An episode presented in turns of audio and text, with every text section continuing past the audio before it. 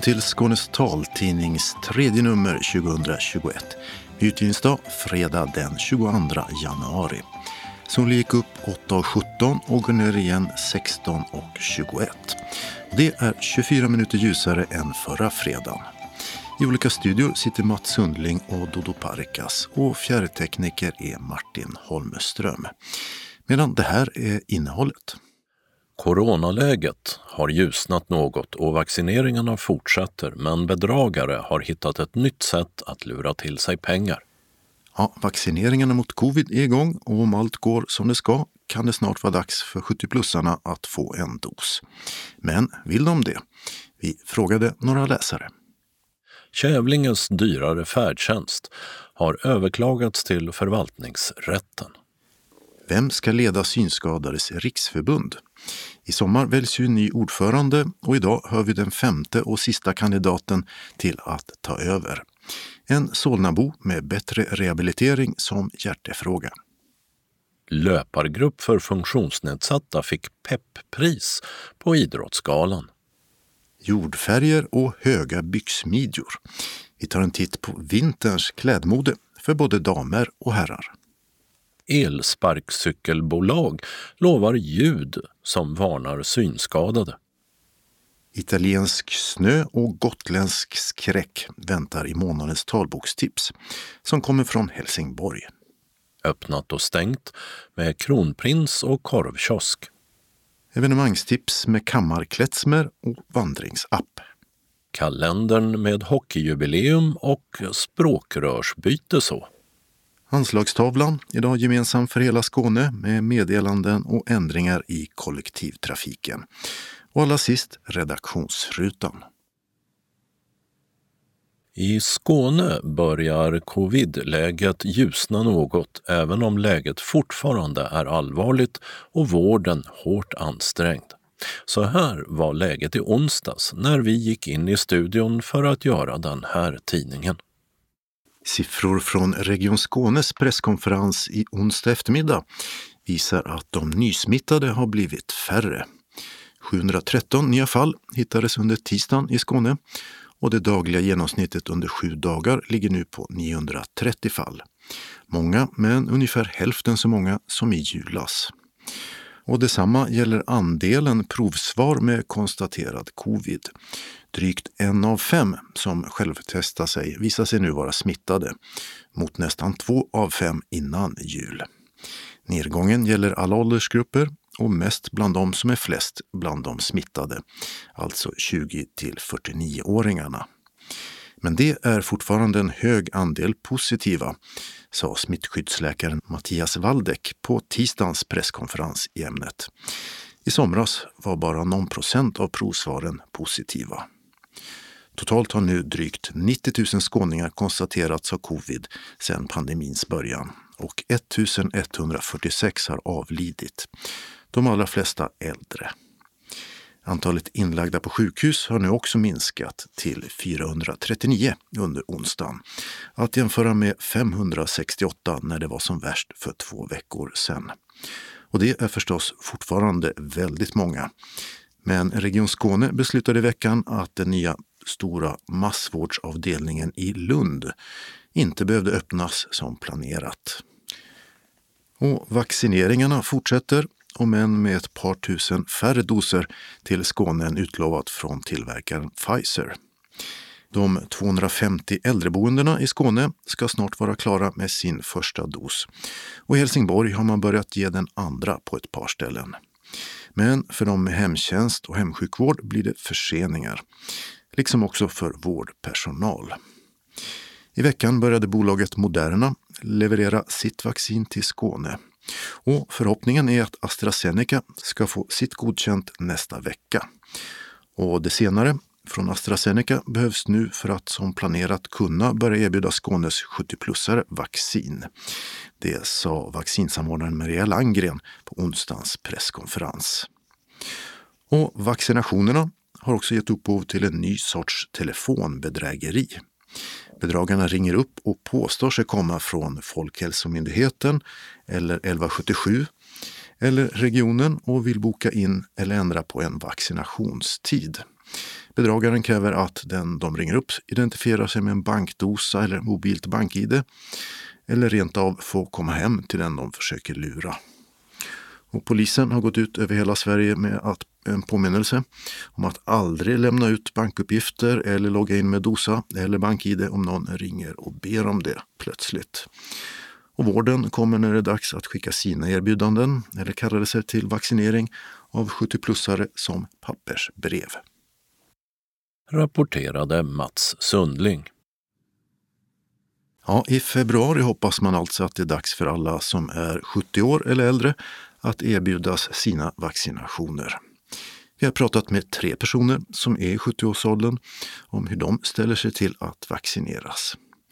Eva Melin har en synnedsättning och bor i Lund och hon vet vad hon vill. Jag tänker vaccinera mig, absolut. Och hur eh, kommer det sig att du är så säker på det? Ja, alltså jag har en svärdotter som är sjuksköterska. Hon har blivit vaccinerad. Vi har pratat väldigt mycket om det här och jag har beslutat mig för att göra det. Det hade jag nog gjort även om jag inte hade pratat med henne om det faktiskt. Men kommer ditt liv att förändras tror du när du då har fått dina sprutor? Jag tror att jag slipper det hela och att det blir lättare för mig att eh, inte oroa mig. Jag kommer inte oroa mig. Har du varit mycket isolerad under det här året som har gått? Ja, det har jag faktiskt. Jag har varit väldigt isolerad men jag har min son och hans familj som är i Lund som hjälper mig och sen har jag eh, goda vänner som handlar åt mig. Men jag har varit väldigt isolerad, inte varit ute och handlat och går inte in i butiker. Och hur har du tyckt att, att det har varit?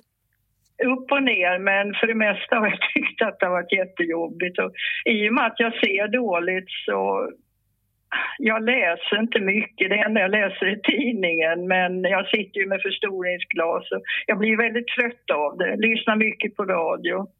Men vad längtar du efter att göra då när du känner att du är mer trygg med det här att du har fått vaccinationer?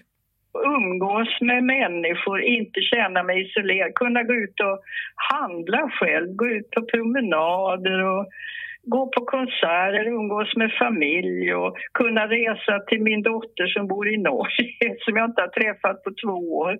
Det är mycket så. Du ser fram emot det väldigt mycket, det här brevet? Oj, oj, oj, ja det gör jag verkligen. Oh ja, verkligen.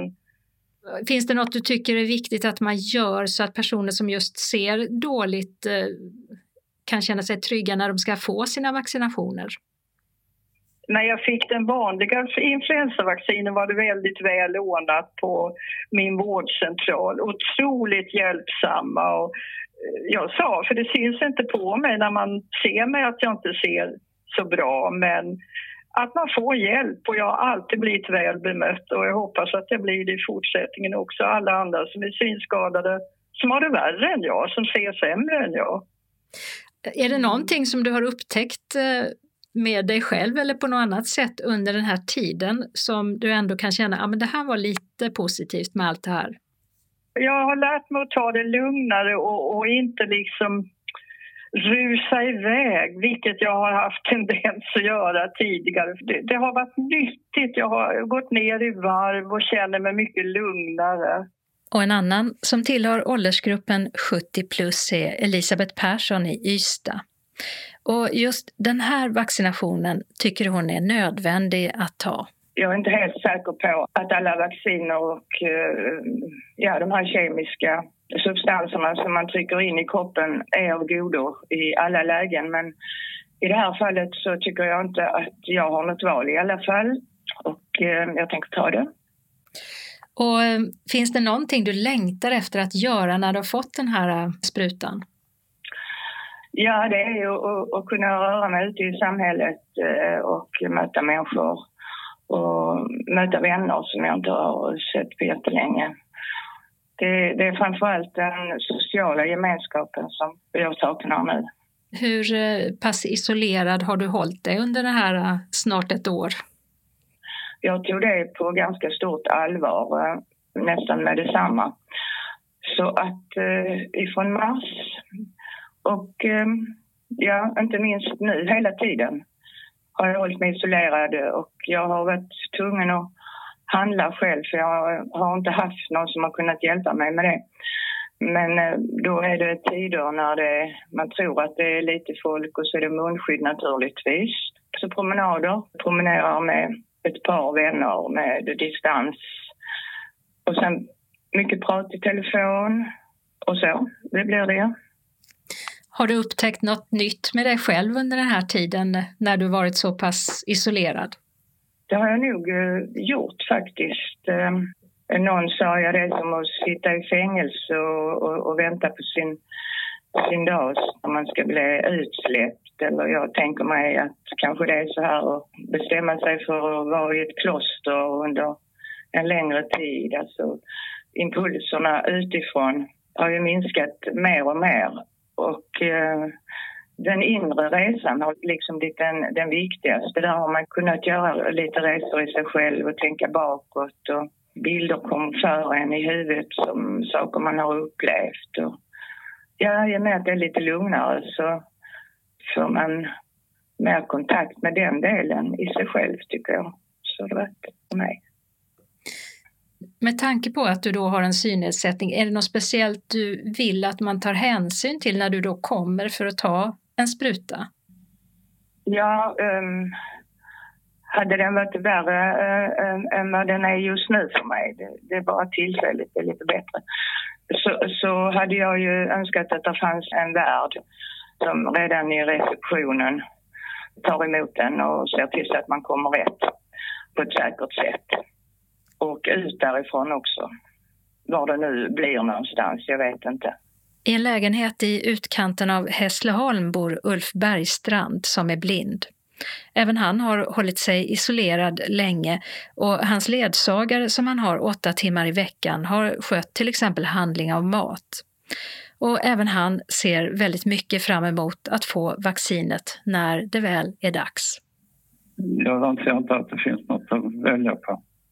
Hur menar du då? Ja, för har man det får man väl skydda sig själv om man blir smittad. Är man vaccinerad blir man inte smittad.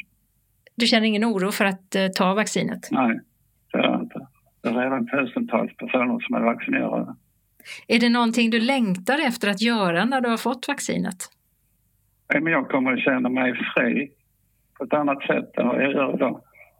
Om man har fått båda sprutorna sen, sen återgår allt till normala pröver träffa vänner i annan utsträckning än vad jag gör idag. Och det här snart året, hur har du haft det då? Har mest legat hemma på soffan och spelat musik och skrivit lite. Och vad är det du skriver? Ja, noveller har jag gjort över hela livet. Hur har du fixat med mat och sånt och nu har du handlat själv eller hur har det gått till? Nej, jag handlar inte själv. Jag går inte till affären själv. Min ledsagare handlar åt mig. Det är lättare när man är med själv. Man kan få en idé att oh, ja, sånt skulle jag vilja ha. För annars handlar hon ju bara efter listan. Hon ringer ju inte hem och berättar liksom åh, de har sånt och sånt här. Det är inte lika roligt att äta. Har du själv varit mycket orolig under den här tiden? jag är inte direkt orolig, men jag måste ju göra det som jag anser för att skydda mig själv. Man umgås inte med folk i samma utsträckning. Man, man gör liksom ingenting. Man sitter här och försöker vänta ut den här tiden. Innan man pratade om vaccin så, så funderade jag ju över liksom hur länge ska jag behöva ligga här och vänta. Men en av ljusglimtarna i den här isolerade tillvaron, det har varit promenaderna ut i skogen alldeles i närheten av hemmet tillsammans med ledsagaren. Jag tycker om blommor och fåglar och djur och växter och träd och ogräs och alltihopa. Doften av natur och så. Tycker du att det är långa dagar? I början tyckte jag det, men nu tycker jag att nu är det ju mer eller mindre som vanligt för nu är man anpassad sig till det här livet. Så man lär sig att, att leva på det här sättet också? Ja, det är man tvungen till. Så hur kommer du känna dig när, när brevet kommer då? Äntligen. Sen är det väl som att släppas ut från ett fängelsestraff kan jag tänka mig. Men det är lite släpp fångarna loss, det är vår. Mm, ja, kanske. Man blir fri på ett helt annat sätt. Då kan man välja om man vill eller inte vill. Nu kan man inte välja. Sist hörde vi Ulf Bergstrand från Hässleholm. Dessförinnan Elisabeth Persson från Ystad och Eva Melin från Lund. Och det var Åsa Kjellman Nerisi som hade ringt upp dem. Kävlinge kommuns beslut att slopa de subventionerade arbetsresorna med färdtjänsten har överklagats till förvaltningsrätten. Beslutet innebär att resorna till och från jobbet blir tusenlappar dyrare varje månad. Och som vi berättat tidigare har både resenärer och funktionshinderorganisationer reagerat på det för Skåne och kanske hela Sverige unika beslutet. SRF Skånes ombudsman Henrik Eld hjälpte till med att skriva överklagan. Ja, därför att det är ett så tokigt beslut i grunden som Kävlinge kommunfullmäktige har fattat. Eh, och vi har ju eh, inför det fullmäktigemötet gjort vad vi har kunnat, både från Synskadades riksförbund och eh, DHR Skåne, för att få dem att tänka om. Men det, det har inte hjälpt eh, vad vi än har försökt säga. Och eh, jag vet att Skånes taltidning har också varit i kontakt med dem och, och frågat hur de har tänkt.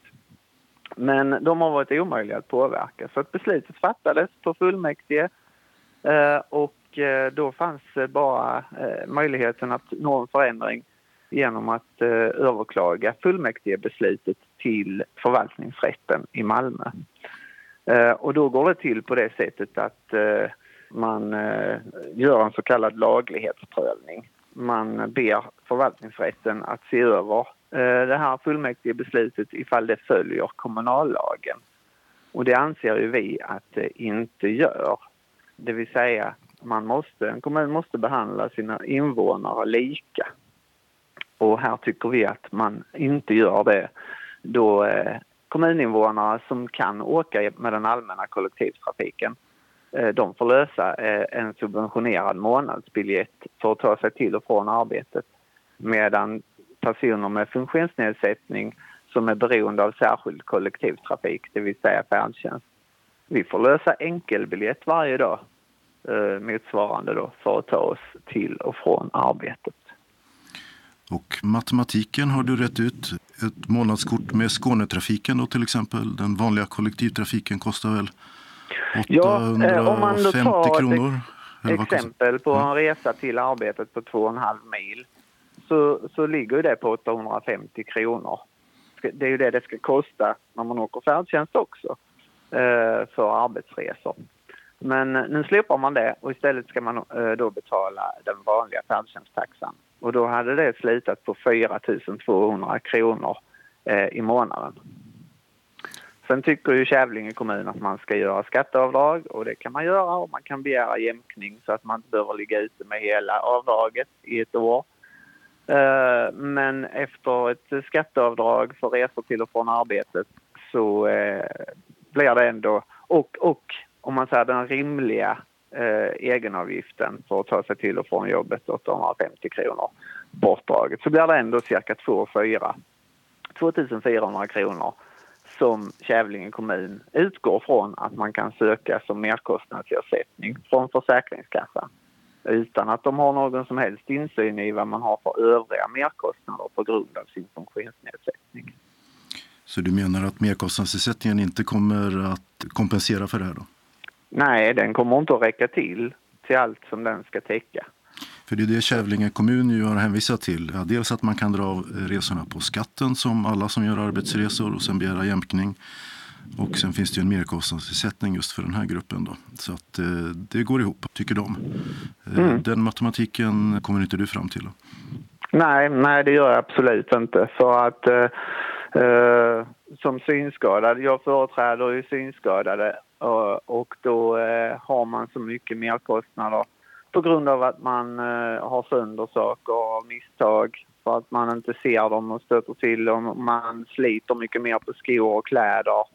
Och man har ingen som helst möjlighet att eh, ta del av eh, rabatter och annat när man går och handlar livsmedel. Eh, för att man är glad nog om man hittar till en affär. Och eh, man är också glad om man får hjälp i den affären och då är det inte tid till att gå och titta efter extra priser och jämföra priser. Så att eh, nej, några sådana utrymmen eh, finns det inte eh, att ta av i merkostnadsersättningen som ska, ska betala färdtjänsten för att Kävlinge kommun inte är måna om sina invånare som är beroende av färdtjänst. Efter vi hört är det ungefär tio personer, alltså Kävlingebor som åker färdtjänstresor till arbetet som berörs mm. eh, av det här. Eh, unikt beslut för Skåne i alla fall så vitt vi vet och möjligen i hela landet. Ingen har, jag har pratat ja. med och hört talas om något liknande någon annanstans. Nej, jag har inte heller hört talas om denna tillämpningen eh, när det gäller arbetsresor eh, någon annanstans. Så det, det är de unika med och har hittat på. Och det är ju tråkigt. Alltså det är ju så få, få eh, personer detta handlar om och så liten kostnad.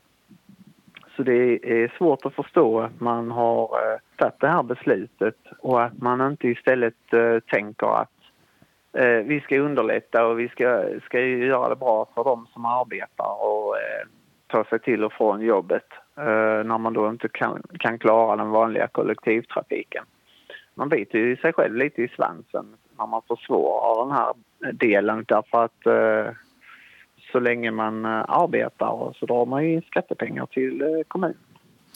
Vad tror du konsekvenserna blir om fler kommuner skulle få sådana här idéer och göra som Kävlinge? Ja, det blir ju ännu tuffare med arbetsmarknadsfrågorna. Alltså, man, man kommer ju sänka viljan att uh, komma tillbaka om man drabbas av en synnedsättning eller en funktionsnedsättning så, så kommer detta att, att sänka viljan att uh, komma tillbaka och ut i arbetsliv igen. Det, det, blir ju en motgång till, så att säga. Nej, det är jättetråkigt. Förvaltningsrätten ska ju inte bedöma om eh, beslutet är lämpligt utan om det är lagligt, som du mm. var inne på också. Ja, hur kommer det gå tror du? Ja, jag ska inte föregripa domstolens eh, utredning av det här och, och, beslut i frågan. Så att eh, jag låter väl den frågan vara obesvarad. Eh, jag hoppas ju bara att de eh, eh, ser det på så sätt som vi gör, att det är en orättvisa i hur man behandlar personer med funktionsnedsättning som är beroende av färdtjänsten i Kävlinge kommun. Kommer de att ta upp fallet? Ja, det kommer de att göra för att eh, ärendet är tilldelat ett eh, målnummer och en domare. Och det betyder att de tycker att det här är värt att titta på. Eh, så att de kommer att ta upp det. Eh, sen så får vi avvakta och se eh, vad de kommer fram till helt enkelt. Eh, om de kommer fram till att man inte har följt kommunallagen och eh, lika likarättsprincipen så kommer de bara meddela Kävlinge kommun att eh, det här är inte ett beslut som är fattat i rätt ordning eller efter lagen. Så att eh, de kommer inte att peka på hur eller att, att de inte får ta bort arbetsresor utan de kommer bara säga att det här beslutet som fullmäktige har tagit är inte okej okay, och ni får utreda och göra om så att det följer kommunallagen sa Henrik Eld, som är ombudsman på Synskadades riksförbunds Skånedistrikt. Han intervjuades av Mats Sundling. Det har blivit dags att träffa den femte och sista kandidaten i intervjuserien med de som vill bli SRFs nya förbundsordförande. Och det är en kultur och djurintresserad dam med mångårig organisationsvana inom synskaderörelsen. Ett brinnande engagemang för rehabiliteringsfrågor och en vilja att göra synpedagogutbildning till ett högskoleämne. Ja, jag heter Karin Hjalmarsson och eh, är 51 år och bor i Solna utanför Stockholm. Och eh, jag kandiderar ju då till posten som förbundsordförande i SRF. Du har varit eh, aktiv hur länge? Jag har varit aktiv i SRF i, ja, sedan 90-talet. Jag har också varit anställd inom organisationen, jobbat med rehabilitering på olika sätt men jag har också jobbat som ombudsman och jag har eh, en tjänst på eh, SRFs rikskansli som jag just nu är tjänstledig ifrån för att driva rehabiliteringsfrågorna via juristförvaltning där jag finns nu.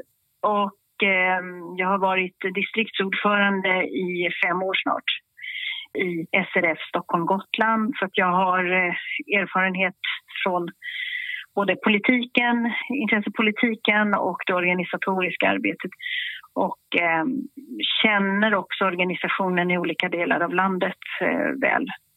Och eh, du eh, har också en period på Almåsa kursgård som ju många känner till. Vad har din roll varit där? Där har jag jobbat just med eh, rekreationen på Almåsa för att den ska innehålla eh, mer av rehabiliterande inslag under mera lustfyllda former så att säga så att man kan till exempel eh, göra någonting trevligt, laga mat tillsammans. Man kan få lära sig mer om sin eh, smartphone eller så när man eh, ändå är där på semester. Jag citerar från ett protokoll. Karin Hjalmarsson från distriktet var mötesledare och det skötte hon snyggt. Du är bra på organisationsfrågor. Ja, det skulle jag nog säga. Jag är bra på alla olika Eh, strategidokument och så inom organisationen och jag har hållit väldigt mycket utbildningar inom SRF. I föreningskunskap, i retorik, extern information. Jag har läst retorik, jag är van att eh, driva frågor och är van att leda möten. Jag gillar ju det. Det är, kan man nog säga en del i min personlighet. Så. Vad i din personlighet är det som gör att det är roligt? Är man på det mer elaka humöret så skulle man väl säga att allt ljus på mig. Eh, är man på det mer snälla humöret så skulle man väl säga att eh, jag tycker om att driva frågor och känner ett starkt engagemang i det.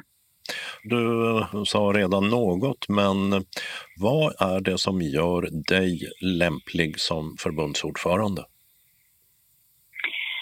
Eh, jag är van att eh, jobba med ett stort kansli och det tror jag är viktigt att i ett skede som organisationen eh, nu befinner sig i, som är ganska turbulent, så tror jag att det är viktigt att hitta en erfaren ledare som har en erfarenhet av att eh, jobba med eh, kanslichef och en stor personal. Man ska inte ha arbetsledningen själv, men ändå är ju kansliet eh, styrelsens redskap. Liksom.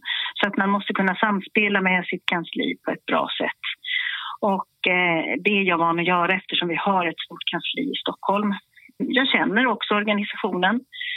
Eh, så jag tror att eh, det finns många som vet vem jag är, som har träffat mig som aktiva funktionärer.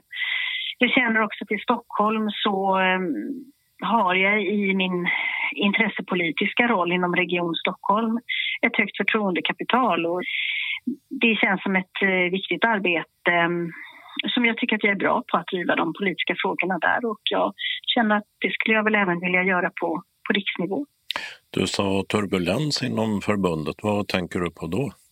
Ja, det är ju efterdyningarna av det här eh, statsbidraget som eh, blev för sent sökt och som man nu sen har fått eh, prövat så att man blir behandlad som alla andra ansökningar. Men det har väl knappast kanske undgått så många som är aktiva att det har varit ganska mm, stökigt ett tag. Och vad är din största hjärtefråga eller vad vill du med att Eh, det är just du som ska bli ordförande? Ja, alltså min absolut största hjärtefråga och jag tror vi är många som delar den, det är ju rehabiliteringsfrågan.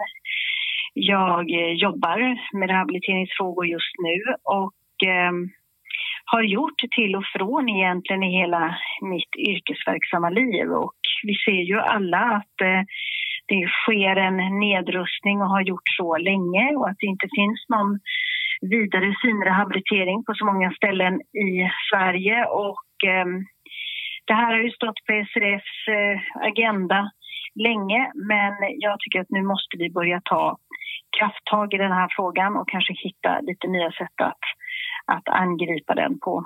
Jag tror att vi måste hitta ett sätt att eh, samordna oss, både distrikt och förbund. För det här är inget som en kan jobba med ensam eftersom eh, det är en regional fråga på många sätt vad gäller eh, syncentralerna till exempel. Sen så jobbar ju vi också, och det är där jag finns nu, för att eh, se över om vi kan driva de här frågorna i egen regi. Det, det finns små grupper som eh, regionerna inte kommer att kunna tillgodose och det finns ingen arbetslivsinriktad rehabilitering. Och då måste vi undersöka hur kan vi jobba med det inom synskaderörelsen på ett sätt som gör att personer får en rehabilitering. Och det måste vi ju göra i ett långsiktigt arbete. Vi kan inte hålla på med små projekt som sen inte blir någonting utan vi måste se en eh, långsiktighet. Och en annan oerhört viktig fråga är ju kompetensfrågan. Eh, det finns allt för få utbildningar för att bli synpedagog. Och här måste vi jobba mycket, mycket mer intensivt emot eh, högskoleämbetet till exempel, utbildningsdepartementet, socialdepartementet, ja alla olika arenor vi kan. För att det, att inte ha några synpedagoger slår inte bara tillbaka mot oss synskadade som ska möta personer på syncentralerna utan också vad gäller forskning och metodutveckling. Om vi inte får till en akademisk nivå vad gäller synpedagoger då får vi heller ingen forskning och då utvecklas inte heller metoderna för att genomföra en bra rehabilitering. Så att eh, vi behöver jobba på några olika fronter där. Och eh, om vi går till dig som privatperson eller i alla fall inte dina arbetsuppgifter, vad har du för synstatus? Jag ser eh, typ ljus och mörker kan man väl säga. Jag har alltid läst punktskrift och eh, jag har haft ledarhund i 30 eh, år ungefär. Du sa att du bor i Solna i Storstockholm, men var kommer du ifrån ursprungligen? Född i Skara, så jag har min härkomst i Västsverige. Uppvuxen i Göteborg och på Orust eh, främst. Och eh, vad har du för intressen? Jag snokade lite i dina gamla Facebook-inlägg och såg en eh, del som handlade om blommor på balkongen. Gäller det fortfarande? Ja, på sommaren. Annars skulle jag nog säga att jag är väldigt kulturintresserad. Jag tycker om att läsa och när tiderna är sådana så tycker jag mycket om att gå på teater. Jag har jobbat väldigt, väldigt mycket med syntolkning till exempel.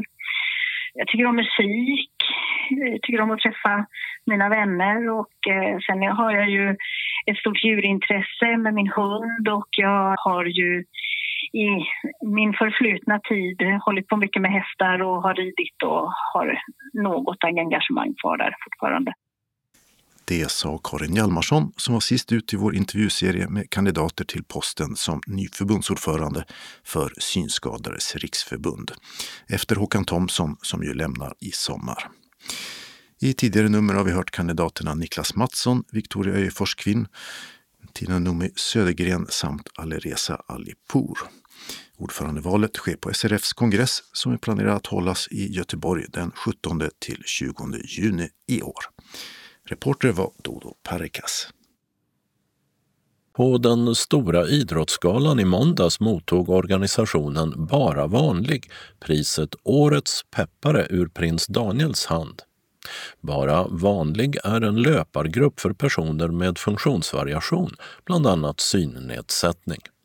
Bakom priset som delades ut för tredje gången står Riksidrottsförbundet och Generation Pepp. Och juryns motivering löd bland annat så här. Årets vinnare har skapat naturliga mötesplatser med fokus på gemenskap och rörelseglädje där man får vara precis den man är i kamratskap och samhörighet med andra. Ett fantastiskt kvitto på att vårt arbete gör skillnad, tyckte Bara Vanligs grundare Niklas Wennerlund. Den ideella organisationen som funnits i fem år har löpargrupper på tio platser i landet, mest runt Stockholm, men de säger sig sikta på att under 2021 bli rikstäckande. Vår traditionsenliga modeserie har nu i coronatider krympt ihop till ett inslag. Där Jonathan Sundin, butiksansvarig på herrmodebutiken Volt på Triangeln i Malmö, ska lotsa oss igenom några av huvuddragen i både herr och dammode denna vinter. Och dessutom även kasta en blick på skomodet. Skjortjackan från i våras, den hänger med och det är dämpade jordfärger och byxor med hög midja som är några av nyckelorden, berättar Jonathan. Det stämmer. Eh, I år så har det blivit väldigt populärt med högmidjat. Väldigt klassiska högmidjat, raka byxor, pressveckoslag ner till. Så väldigt eh, 20-40-talsinspirerat, klassisk kostymbyxa. Kan eh, den som har eh, varit med flera gånger gå och rota i garderoben eller blir det fel färger då? Nej, nästan ju äldre desto bättre. Det har blivit väldigt poppis med också retro kostymbyxor, retro jeans. Högmidja också den klassiska 511 från Levi's till exempel. Om du ska visa på, vad vi ska ta byxor. Jag håller fram en, en brun ullkostymbyxa. Högmidjad slag pressväck. Där finns en matchande kavaj, en dubbelknäppt brun extra breda slag. Så även där väldigt klassiskt. Men är det här vardagskläder verkligen? Ifall man kör hela kostymen, då blir det väldigt, väldigt dressat. Men byxan går att köra till vardags. Och det även där har blivit allt mer populärt att köra kostymbyxor till vardags. Jag tittar efter vad det skulle kunna vara för skjorta som passar till den. Och något som fanns här om året mycket ser jag ingenting om, nämligen blommigt. Nej, utan när det kommer till skjortverk så är det mest eh, vitt och ljusblått och svarta skjortor, liksom enfärgade. Men däremot så i stickade tröjor och eh, sweatshirts och liknande. För några år sedan så var det väldigt inne med starka nyanser av eh, gul och orange och eh, rosa och liknande. Men jag personligen känner inte att det fick genomslag. Utan det som har blivit populärt nu det är färger som är dämpade. Så de här jordfärgerna liksom, som adderar något till looken men behöver inte sticka ut på samma sätt som de här starka nyanserna. Du pratar om jordfärger. Olivgrönt, är det bara mina ögon som har fastnat för det? Eller? Det stämmer, grönt har varit väldigt populärt i år. En mörkare grön. Eh, och det märkte vi redan i våras när vi fick in väldigt mycket grönt i kollektionen där också. Så det fördes vidare till höstkollektionen. Och det gäller både överdelar och underdelar som till exempel gröna kostymbyxor i ullkvalitet eller, eller gröna chinos om eh, man nu ska ha någonting ovanpå kavajen och om det blir en vinter, skånsk vinter eller riktig vinter? Ehm, då har vi en eh, rock som är i en ullkvalitet med knäppning ända upp till halsen. Och ullen är behandlad på ett sånt sätt så den tåler duggregn och snö. Eh, function and fashion i ett och samma paket. Hur är det med täckjackorna och täckvästarna? Hänger de med fortfarande? Inte jättemycket faktiskt. Eh, I så fall är det att man har en inbyggd väst i rocken till exempel. Fast där hänger ju några täckjackor i alla fall i lejongult och senapsgult. Det är från förra året. och om man vill köpa ett plagg, jag har inte råd med en hel utstyrsel. Då skulle jag nog säga overshirten faktiskt. För den kan man klä upp och ner precis som man vill. Man kan köra en skjorta under med slips och slänga på sig ett par kostymbyxor så slipper man köpa hela kostymen. Men man kan även köra en t-shirt eller en hoodie under eller en långärmad med ett par jeans. Och eh, ska den här uh, overshirten över skjortan vara i någon särskild färg då? Det är vilken man vill. Men ifall man eh, träffar in på de jordfärgerna så är det ju ett plus, tycker jag. Tyger då, nu ska vi se, här är en sån kraftig nästan gammaldags arbets kläder i en kavaj men under det så är det en vit skjorta och en elegant slips. Ja men precis, där har vi det perfekta exemplet på hur man kan dressa upp en overshirt som i regel är ett väldigt vardagligt plagg. Um, ska vi titta på tröjorna? Ja då. Uh, framför mig håller jag en stickad ulltröja i roströd en långärmad supermysig nu till vintern. Håller värmen jättebra. Och eh, kragen är rund, det är inget V-ringat? Nej, tyvärr inte mycket V-ringat i år. Det är många som har efterfrågat det faktiskt. Men det är inte många butiker som har tagit in det. Folk efterfrågar, ni tar inte in det? Just när folk efterfrågar under säsongen så är det så svårt för designersarna och företagen att släppa liksom nya plagg mitt i kollektionen så att säga. Ehm, så då blir det oftast det som efterfrågas 2020, det kommer oftast in 2021. Och om man jämför dam och herrmode, har du koll på vad är det som går igen av det du pratar om när det gäller färger och skärningar och så vidare på damsidan? Eh, just i år så skulle jag säga att det är väldigt likt. Även på damsidan så är det högmidjad på byxorna. Både kostymbyxor och jeans och en lite rakare modell. Så inte sådär jätteslimfit. Damsidan har mer V-ringat skulle jag säga. Och färgskalan går ungefär i densamma. Så jordfärger också nu. Um, och sen är passformen på damsidan lite rakare än på här. Så tröjorna är lite större, som en oversized modell. Um, även rockarna går lite längre på herr och dam.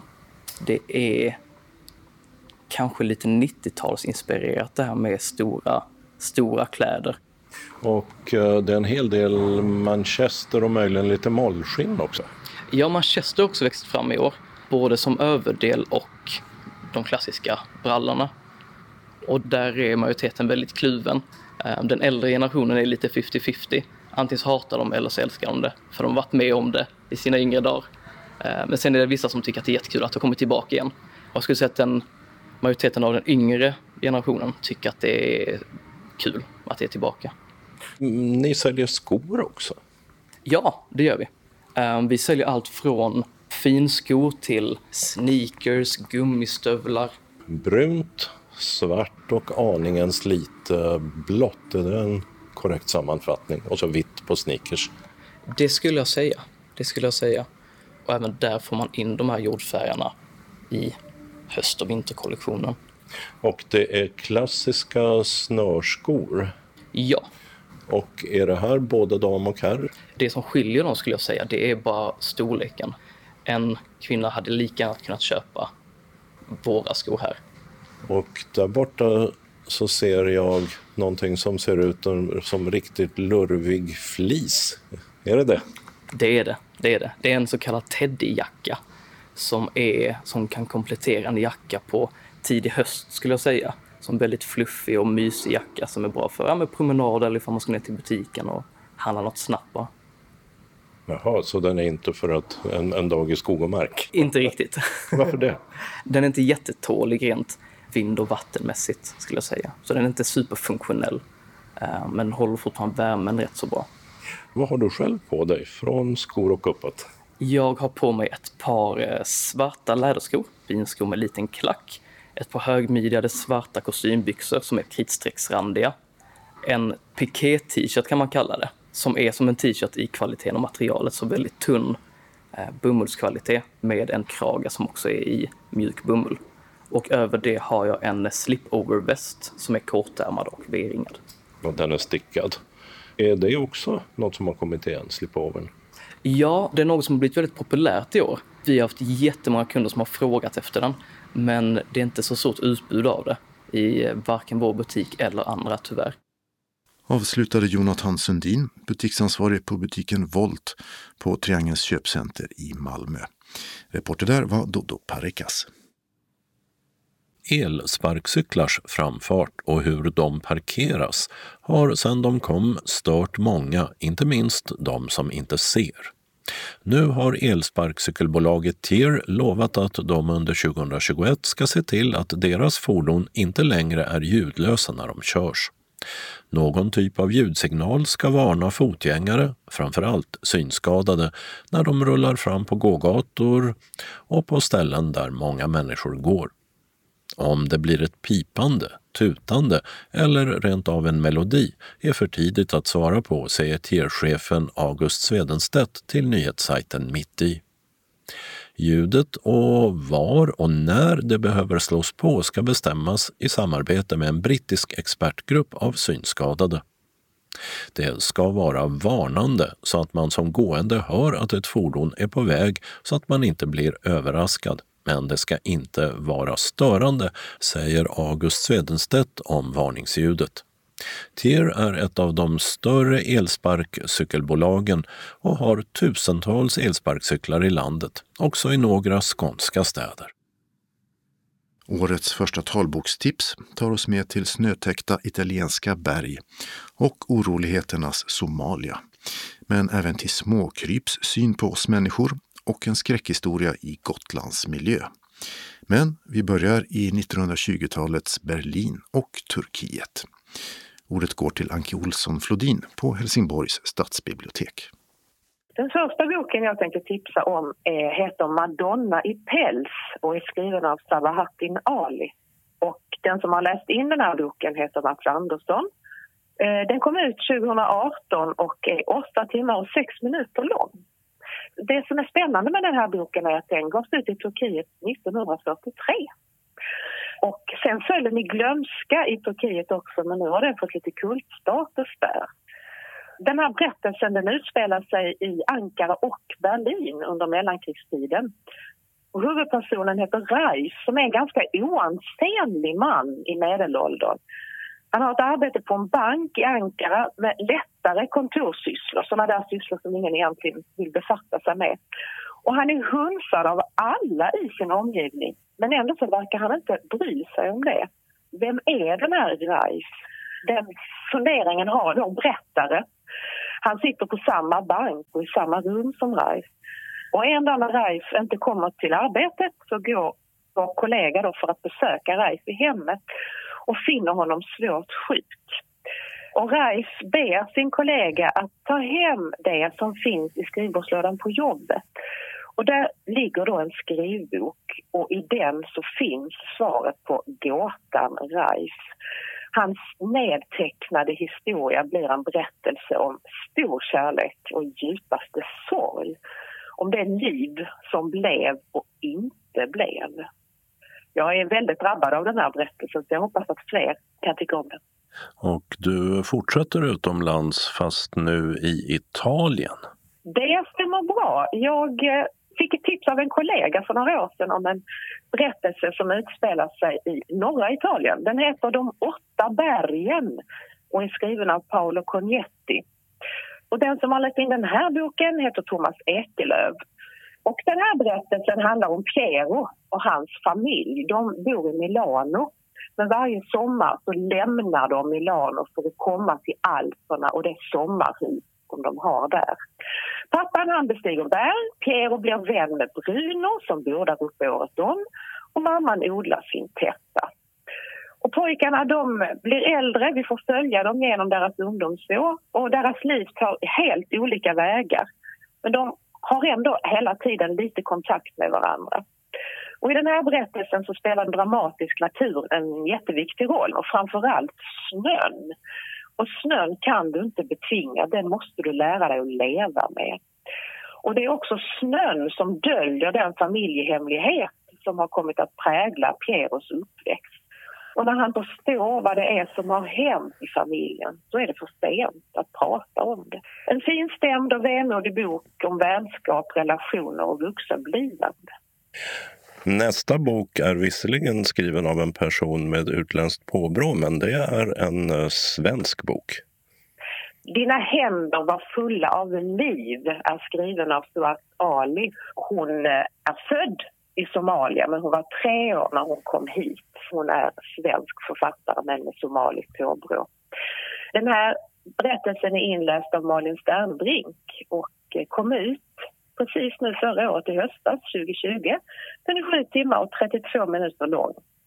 Så att Ali berättar i den här boken en del av Somalias och hennes landsmäns historia. Och den tar sin början i 90-talet. Huvudpersonen heter Nora och hon är född in i en inflytelserik familj i Somalia. Hennes pappa är läkare och familjen lever ett gott och bra liv i Mogadishu, huvudstaden. Eh, men en av Noras vänner på gymnasiet, Ahmed, han är regimkritiker och han visar Nora en helt annan sida av det somaliska samhället. Trots att det finns stora skillnader mellan deras livsvillkor så tillåter Noras pappa att eh, Nora och Ahmed gifter sig men ganska snart så får de problem på grund av Ahmeds politiska ställningstaganden. Med hjälp av Noras farbror som har kontakter in i regeringskansliet så lyckas paret tillsammans med Noras pappa och syster att fly till Kenya, en flyktväg som väldigt många somalier tog. Den här flytten leder ju inte till det förbättrade liv som alla hoppas på, kanske snarare tvärtom. Berättelsen börjar och slutar i Sandviken i Sverige, för det är här Nora till sist hamnar. Det är här hon får kämpa för sin rätt att leva ett värdigt liv på sina villkor, både som flykting, som kvinna och som landsman. Jag skulle väl säga att det är en berättelse på, på många sätt rakt av. Men hon vill ju något. Hon vill ju skildra den situation som uppstod i Somalia med Siad Barre och inblandningen av Amerika. Alla de här striderna och klanerna som finns i Somalia så vill vi också berätta om det som så många människor kan hamna i. Man kan leva ett otroligt gott liv men politiken, situationen i, i ett land, det kan också hända i vårt land. Det kan förändras ganska snabbt och ganska radikalt. Det är både liksom en berättelse som du bara kan läsa men givetvis tänker jag att hon vill ju berätta något mer.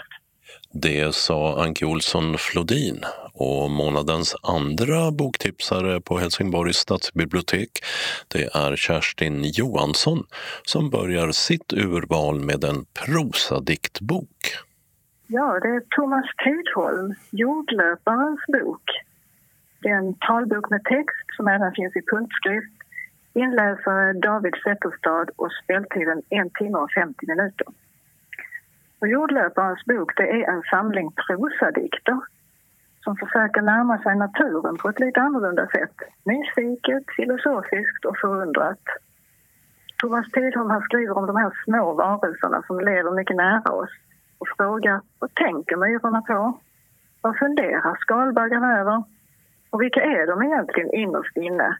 Den vita masken och fläskängeln. Hur ser de på oss? Hur liknar vi dem? Och vilken är vår plats i allt det här? Här är alltså en underfundig, humoristisk och lättläst och faktiskt alldeles ljuvlig bok om naturen och vårt förhållande till den. Den är på en gång djup och lättsamt naiv. Och vi har väl alla varit ute i naturen lite mer än annars under det senaste året. Vi svenskar tycker ju om naturen. Men man kan ju undra vad naturen tycker om oss. Den här samlingen är som ett litet samtal mellan oss och andra varelser i naturen. Och det är faktiskt en av mina favoritböcker från år 2020. Man får en bild av hur de här små djuren kan tänka se på oss och hur vi kan likna dem. Och Tidholm gör det så väldigt bra så att man kan faktiskt förstå det. Är det en slags uppräkning eh, av eh, de här olika djuren så det kommer ett i taget eller? Nej, det är det inte riktigt. Det är mer som en genomgående berättelse. Och eh, man kan ha bäst utbyte av det om man läser den från början till slut. Men man kan också läsa enskilda prosadikter var för sig. Och därifrån över till en eh, helt annan typ av bok, Per Odensten. Ja, Per Odensten har skrivit Glossarium, en roman. Talbok med text Inläsare David Zetterstad och speltiden 4 timmar och 20 minuter. Och det här är en roman som kan sägas, tycker jag, handla om mellanrummet mellan människan och språket. Huvudpersonen i romanen heter Ina, 36 år och lärare. Hon är nyligen skild och bor tillsammans med sin mormor och sin fyraåriga dotter Mette. Och en dag drabbas Ina av en fruktansvärd katastrof. Hon får någon form av stroke som på ett ögonblick gör att hon mister språket. Och hon får även andra kroppsliga symptom som innebär att hon helt enkelt förlorar sitt jag. Hon vet inte längre vem hon är, hon kan inte uttrycka sig och hennes kropp lyder henne inte. I den här romanen får man sen följa hennes svåra väg tillbaka med all rehabilitering och terapi innan hon är åtminstone nästan sig själv igen. Hon måste helt enkelt återerövra sitt språk och sitt eget jag.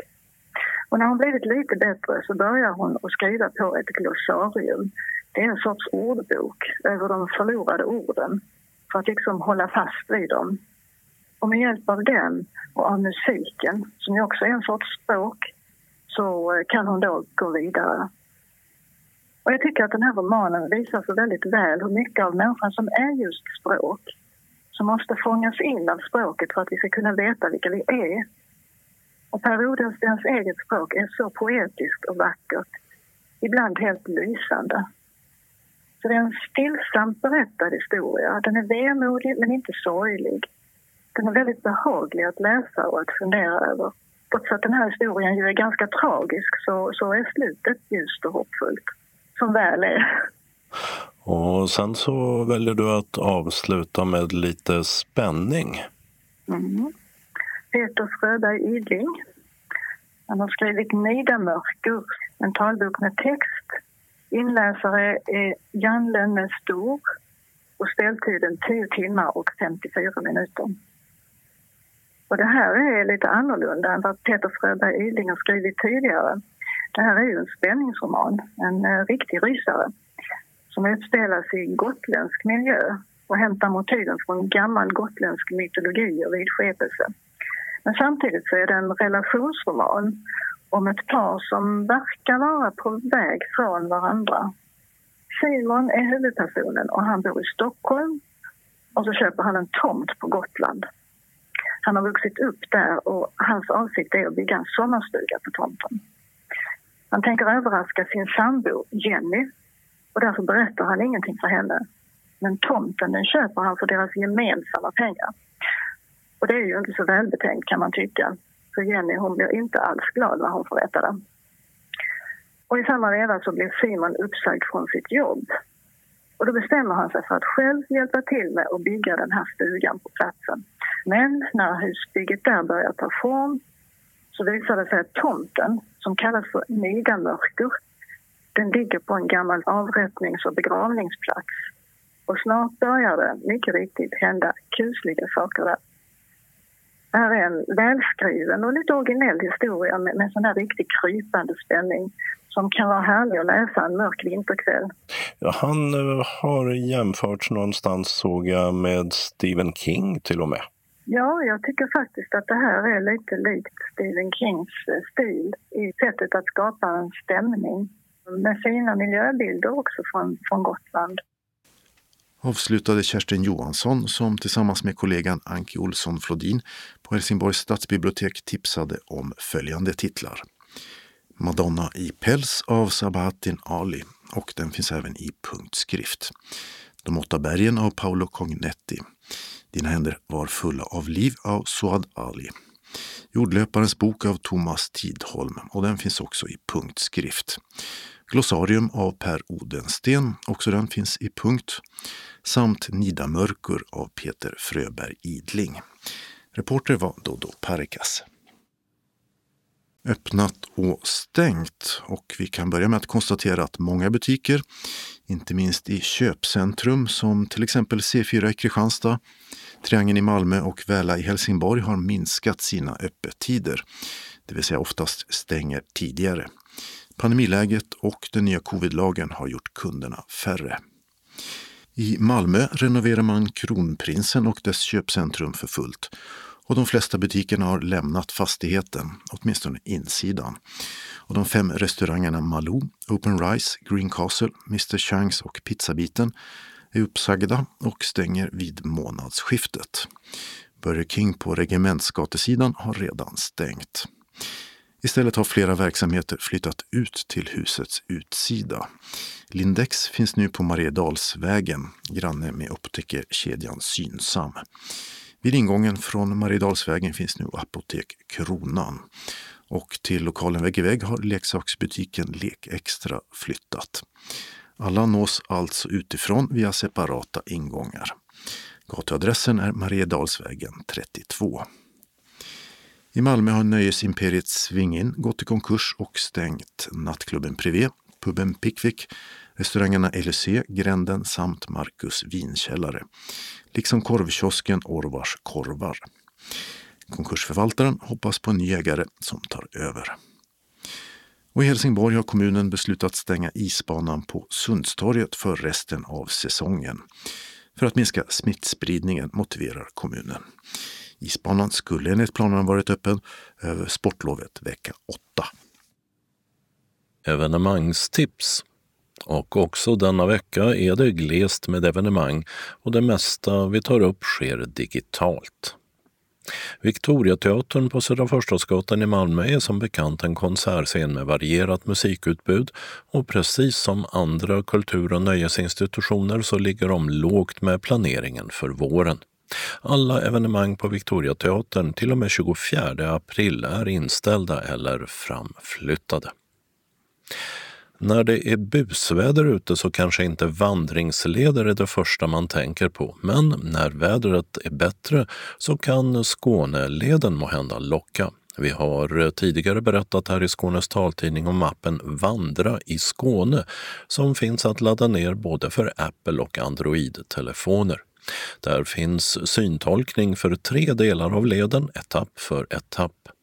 Skåneleden 3 kallas Ås till Ås och går mellan Åstorp och Brösarp. Skåneleden 4 den går på Österlen. Skåneleden 5 eller Öresund går mellan Utvällinge väster om Ängelholm och Bulltofta i Malmö. Och I löpsedeln på vår hemsida finns länkar till reportage om de syntolkade vandringarna. Förintelsens minnesdag 27 januari uppmärksammas digitalt denna coronadrabbade vinter. Från Malmö konsthall strömmas en rad programpunkter under rubriken Sverige och Förintelsen, Skåne då och nu. Detta sker mellan 13.00 och 17.00. Här en sammanfattning. Efter invigning är temat 13.15 Extremhögern då och nu. 13.45 läser poeten Gabriel Itkesnapp egna dikter. 14.00 är temat De vita bussarna 1945. 14.30 blir det filmvisning om att lyfta frågor kring antisemitism och antiziganism. Och 14.45 presenteras en ny kartguide kallad Judiskt liv i Malmö 15.00 den 27 börjar andra delen av programmet på Malmö konsthall och det handlar om den romska förintelsen. 15.15 till 15.50 är det flera programpunkter om den romska konstnären och poeten Cheja Stojka. Hennes verk visas på en stor utställning på Malmö konsthall under våren men åtminstone till och med sista januari är konsthallen stängd. 15.55 visas filmen Nuets minne. 16.15 talar grundaren av den romska Irisskolan på Annelund i Malmö. 16.25 blir det dokumentärfilm varpå följer sång av David Kopacz och så blir det avslutning. Evenemanget sänds via Facebook. Arrangör är Forum för levande historia. Från Skanörs kyrka streamas ett program med föredrag och musik samma dag, alltså 27 januari mellan 19.00 och 20.30. Agneta Berliner från Svenska kommittén mot antisemitism föreläser och berättar om förintelseöverlevaren Livia Fränkels historia. Det blir även musik med det drömska kammerklezmerbandet Kvarteret Arken uppkallat efter ett centralt Malmökvarter. Evenemanget går att hitta på Youtube på nätet. Malmö Live konserthus hänvisar till sitt playarkiv på nätet hemsidan malmolive.se digitala konserthuset där det finns länkar till konserter, bland annat en lång rad med mästertrumpetaren Håkan Hardenberger, men även introduktionsföreläsningar till tidigare konserter med MSO. 10 februari 16.00 livestreamas en föreläsning med Sixten Nordström på nätet, alla Sixten. Publikens älskling, men hans eget liv då? Det handlar om Piotr Tchaikovsky, en publikfavorit av högsta rang. Men han fick inget roligt liv och slutet blev ett framtvingat självmord. Men vilken musik han gav mänskligheten. Så sammanfattar Malmö Live denna programpunkt som är gratis. Däremot så blir det inget liveframträdande av Sixten Nordström på Malmö Live den 20 januari eftersom hela MSOs Tchaikovsky-festival, som vi tidigare berättat, är inställd. Biljettinformation Malmö Live 040 34 35 00. Kalendern för årets fjärde vecka tar sin början måndagen den 25 januari. Och medan en viss amerikansk president de senaste åren främst använt sociala medier som Twitter för sin kommunikation så kan det passa att påminna om att det för 60 år sedan väckte uppmärksamhet att John F Kennedy då som första amerikanske president gav en direktsänd presskonferens i tv. Namnsdagsbarnen heter Paul och Paul och detta är egentligen aposteln Paulus omvändelsedag. Enligt traditionen lär Saulus, som han då hette, ha förlorat synen tre dagar tidigare när han på väg till Damaskus förföljde kristna. Och när han fick synen åter så omvändes han till kristendomen och blev en av Jesu lärjungar under namnet Paulus. Tisdagen den 26 januari är det öppen utfrågning i riksdagens socialutskott om Coronakommissionens delbetänkande angående äldreomsorgen under pandemin. Utfrågningen sänds direkt mellan 9.00 och 11.30 i riksdagens webb-tv och finns kvar på hemsidan även efteråt. 170 år har gått sedan britterna intog Hongkong under de så kallade opiumkrigen då britter och fransmän av ekonomiska skäl pressade Kina till att acceptera opiumhandel. Året därpå stadfästes britternas överhöghet över Hongkong. Den så kallade kronkolonin återgick till Kina 1997 under devisen ett land, två system, något Kina inte hållit i och med nedtryckandet av Hongkongs demokratirörelse. Bodil och Boel har namnsdag. Onsdagen den 27 januari infaller Förintelsens minnesdag. Datumet för denna FN-dag valdes eftersom det var den 27 januari 1945 som förintelselägret Auschwitz-Birkenau befriades av sovjetiska trupper. Ett kvarts sekel har passerat sedan Frankrike upphörde med kärnvapenprovsprängningar, men landet är än idag en kärnvapenmakt. Och namnsdagsbarnen, de heter Göta och Göte. Torsdagen den 28 januari heter de som kan fira namnsdag Karla samt Karl. Och eftersom kungens namn är Karl Gustav så är detta även hans namnsdag och allmän flaggdag. Det är även Dataskyddsdagen. Den har funnits sedan 2006 och är instiftad av Europarådet.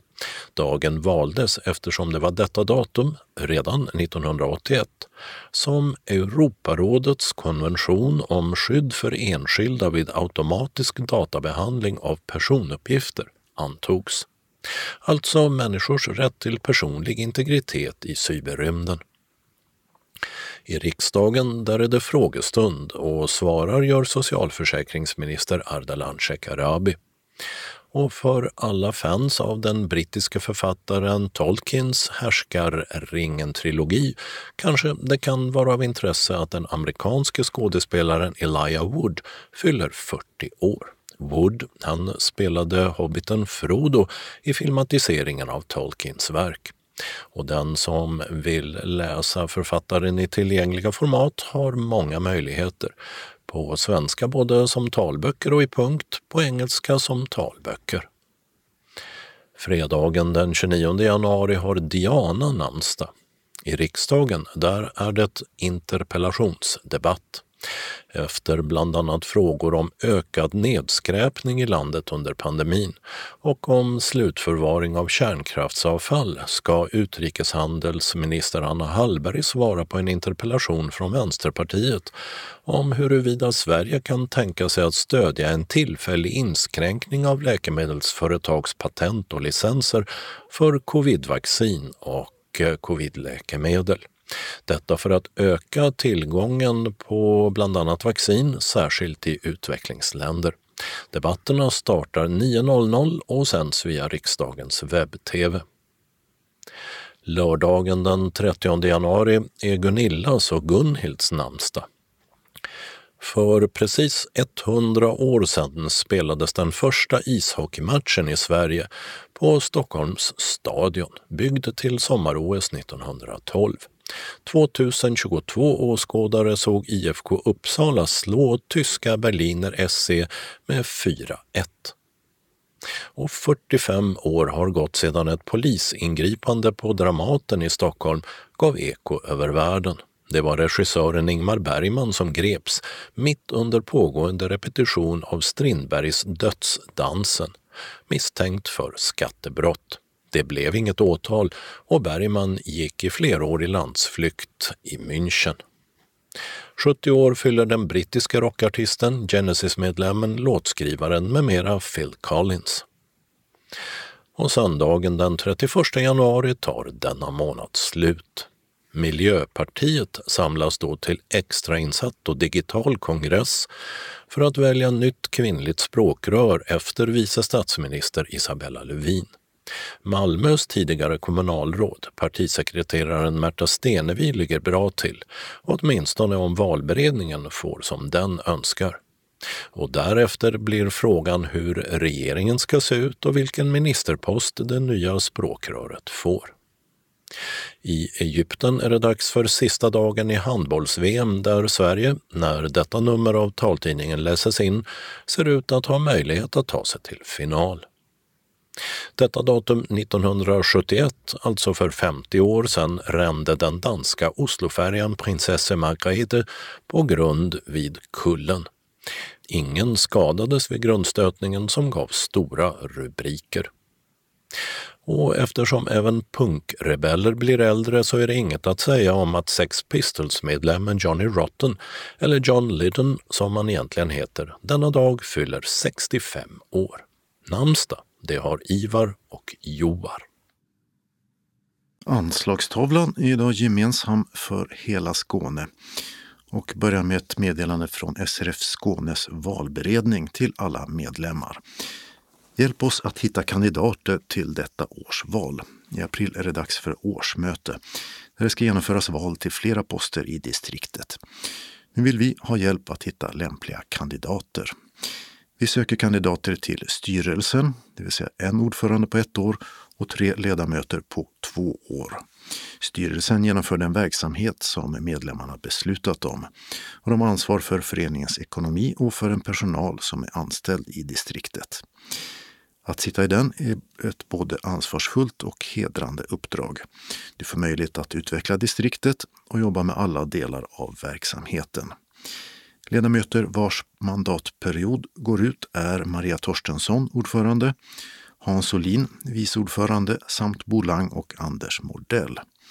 Medan Per-Arne Andersson, Gisela Cesar och John-Olof Asp har mandat ett år till. Vi söker också kandidater till att vara verksamhetsrevisor. Vi söker två ordinarie på ett år och två suppleanter på ett år. Som sådan ska du granska styrelsens arbete och föreningens verksamhet för medlemmarnas räkning. Det här uppdraget ger dig en god inblick i distriktet. Nuvarande revisorer är Christer H Persson, Stig Larsson och suppleant är Jonny Ekström. Vi söker också kandidater till beredningsutskottet, tre stycken för ett år. Utskottet skriver uttalanden till föreningens representantskapsmöten och ger förslag på valberedning.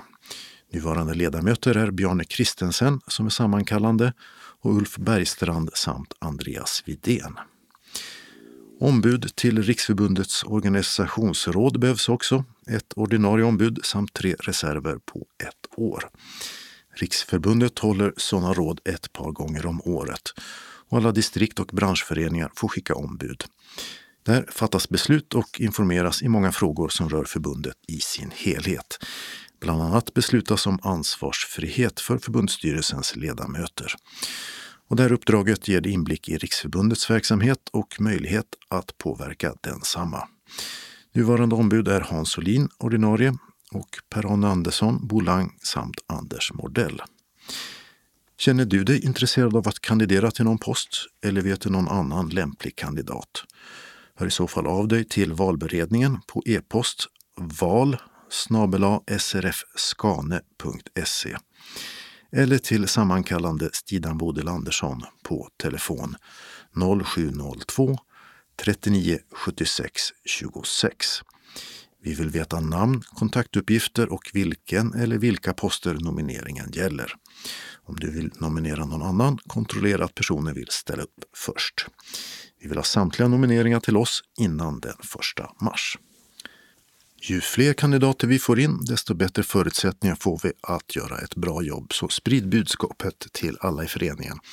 Så kan vi tillsammans fortsätta bygga ett distrikt att vara stolta över och som andra kommer att se på som inspiration.